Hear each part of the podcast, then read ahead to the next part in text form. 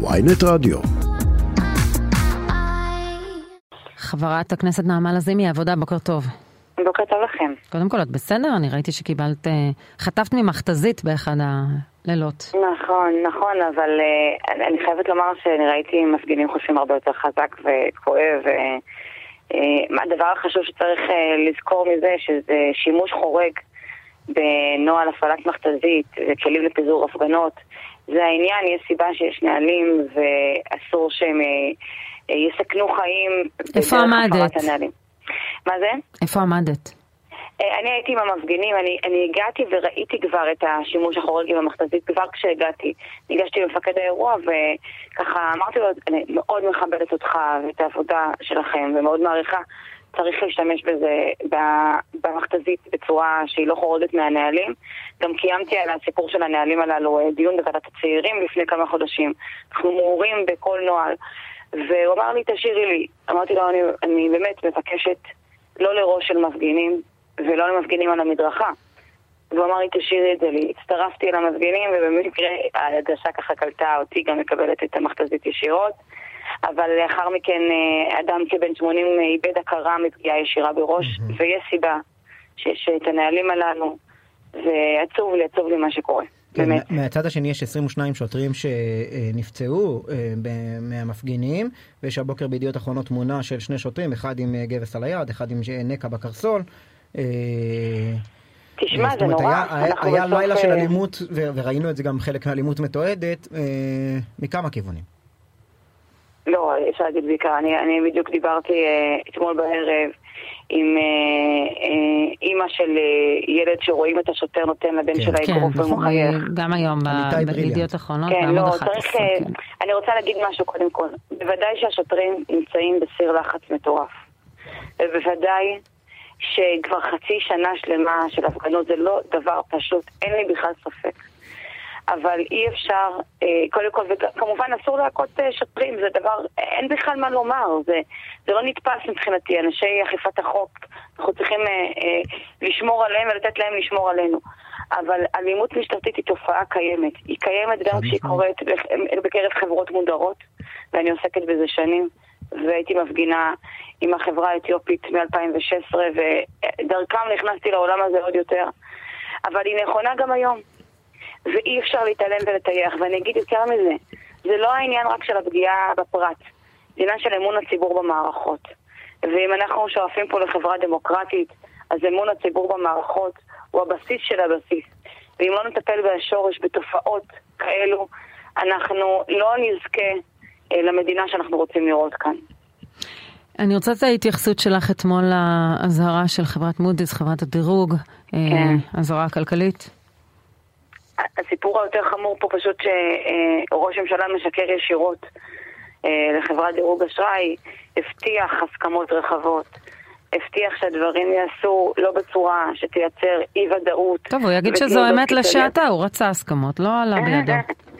זה לא, זה לא ככה, כי, כי כשאתה אומר לחברת דירוג, אנחנו נעשה את הכל אה, בצורה מסוימת, אתה לא יכול להגיד זה לא עלה אחר כך. ותראו, התגובה היא מיידית הייתה. התגובה הייתה מיידית גם מצד חברות הדירוג שמרגישה שישראל היא לא מדינה שאפשר לסמוך על המנהיגות שלה, זה בדיוק הסיפור של דיקטטורה. אגב, אי, אי ודאות, מנהיגות יחיד, אין פה, אה, המחשבה שאין פרלמנט באמת ואין מערכת איזונים ובלמים. זה בדיוק מה שבעצם הסאבטקסט של מה שקרה פה אתמול. וכמובן, צריך להגיד, הפנסיות שלנו, הקרנות שלנו, אובדן ההכנסות, הדבר הזה הוא לא צחוק. אני מציעה לכל אזרח להיכנס לראות מה קורה עם קרן ההשתלמות שלו ועם הפנסיה שלו בשנה האחרונה. והוא יראה באמת חושך. זה דבר שאי אפשר יותר לטשטש. אי אפשר להביא אנשים לתהום כלכלית בשביל אצבע בעין.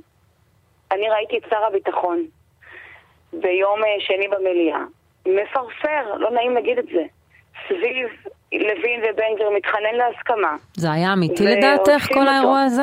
בהזדמנות. תראי, קודם כל, אם שר הביטחון חושב שיש פה בעיה גדולה לצה"ל, הוא צריך להתריע על זה פומבי ולא ללכת ככה. זה אני לא באה לסנגר, אבל ראיתי אותו באמת הולך ומתחנן שייתנו רגע, באמת איזשהו חבל אה, ככה, לרדת מזה. והתעלמו, זה פשוט, את, את רואה ממשלה שבזה לציבור. את רואה אנשים שלא אכפת להם משום השלכה. אני לא יכולה להבין את זה. הרי הסיפור של ממשלה, של שלטון, הוא קודם כל המנהיגות. הוא קודם כל כן. הדבר הזה. ואני לא אומרת איזה פשרה או מה היה, אני רק אומרת מה ראיתי בעיניים שלי. אבל כשאת מסתכלת על הסקרים אתמול, את מדברת על מנהיגות והכול, את עדיין רואה, את רואה את ה... ש... שהליכוד נחלש, אבל עדיין מבחינת התאמה לראשות ממשלה, ומבחינת ה... התמיכה הציבורית, עדיין יש לו תמיכה קשיחה של כ-28 מנדטים. אה, בעוד שאתם לא עוברים את אחוז החסימה. אז יש משהו בכל זאת במנהיגות שלו, שכנראה ציבור גדול עומד מאחוריה. קודם כל, ציבור גדול מצביע לבנימין נתניהו כבר שנים. זה בוודאי לא משהו שקל פתאום, את יודעת ככה, לעבור. אה, וגם צריך להגיד, יש בצד השני גם מסע שמאשים את כל העולם בכל מה שקורה, למרות שאי אפשר, את יודעת, אה, רקדן אה, לא טוב אומר שהרצפה עקומה, יש גם לזה גבול. אבל מעבר להכל, מנהיגות היא לא רק הסקר. היא קודם כל גם טובת המדינה. אני נכון. באמת אומרת, אבל- אבל חברות חברת דירוג הכנסת נעמה האשראי... לזימי, קודם כל, כן. אה, אפשר להתווכח, אה, אה, אה, כל צד יגיד על הצד השני שהוא מאשים את כל העולם.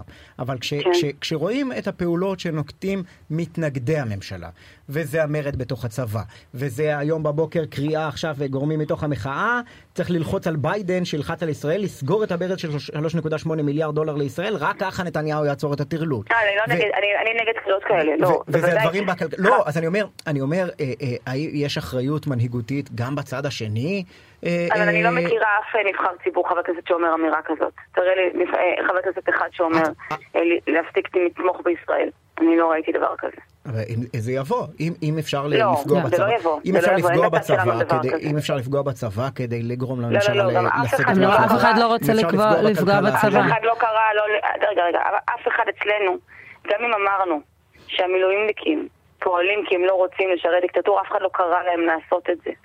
אנחנו, אני רוצה להזכיר שבצד השני קראו להם שפלים, מוגלה, נפולת של נמושות, ללכת לעזאזל.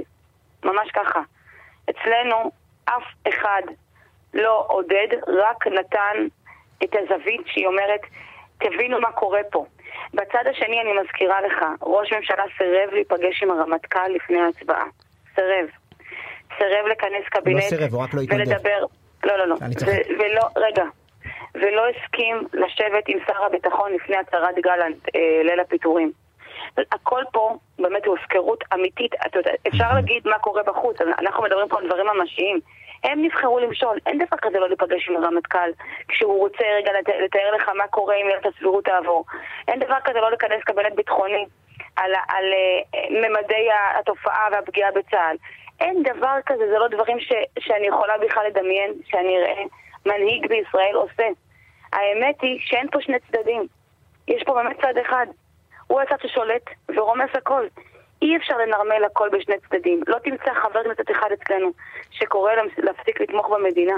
כשראית. כשאתה ראית את הליכוד מתנער אתמול מהצעת החוק הפרטית של חוק לימוד התורה, את כן. אה, באמת מאמינה שהם לא יקדמו אותו? יש להם הסכם קואליציוני, אה, יהדות התורה... זה, זה אה, בדיוק אבסורד, כן. יש הסכם שזה כתוב וחתום. ו- אבל זה גם מראה עד כמה רשלני הכל, ועד כמה היבריס גדול, נבחרו, חתמו על הכל כאילו בשטויות. ו- וזה מאוד מטריד, גם אם כבר מדברים על אה, פירוק הצבא ועוד לעודד סרבנות, מה יותר מעודד סרבנות? מנהיגי מחאה, נגיד תיאורטית, או מפלגות בקואליציה שמגישות חוק שאומר שתנאים של חיילים משוחררים יהיו גם למי שלא עשו שירות צבאי. תענו לי, באמת. אין פה שני צדדים. אין פה שני צדדים. יש פה צד שאיבד את זה. אני, אני אגב שמחה על ההתנערות, אבל אנחנו, אנחנו כבר מבינים שהמושב הבא הולך להיות בסימן הגיוס. ומי שחושב שהסיפור הזה הולך לעזור לצה"ל ולעודד גיוס, שגם ככה נמצא בשפל עוד לפני ההפיכה המשטרית, כן. אז אני רק רוצה להגיד ש... את, את התבטאת בעבר. כמה, כמה וכמה פעמים שתשמחי לשבת בממשלה עם החרדים, את תעשי את זה ותגייסי אותם תוך כדי? תראה, אני מאוד מאמינה בברית עם החברה החרדית. אבל אני רוצה להגיד מה שקורה עכשיו על ההנהגה החרדית, שגם היא כאילו מאבדת קשר עם החברה הישראלית, זה עצוב לי עוד יותר. היא לא הייתה כזו. אז אני, אני שואל, כשאת רצית שיתוף פעולה אה, אה, עם החרדים, אני עדיין את- רוצה שיתוף את פעולה עם רוצה. החרדים על החיים את, את, עצמם. את חושבת שתקבלי אותו תוך כדי גיוס המוני של אברכים? או, או, או זה לא לחוקק איזשהו פטור. כולם תמיד דיברו בסוף על מתווה. כולם בסוף הבינו שיש פה משהו שצריך לראות איך מוצאים את שני הצדדים, אבל פטור גורף מהמקפצה, זה לא דבר שהיה.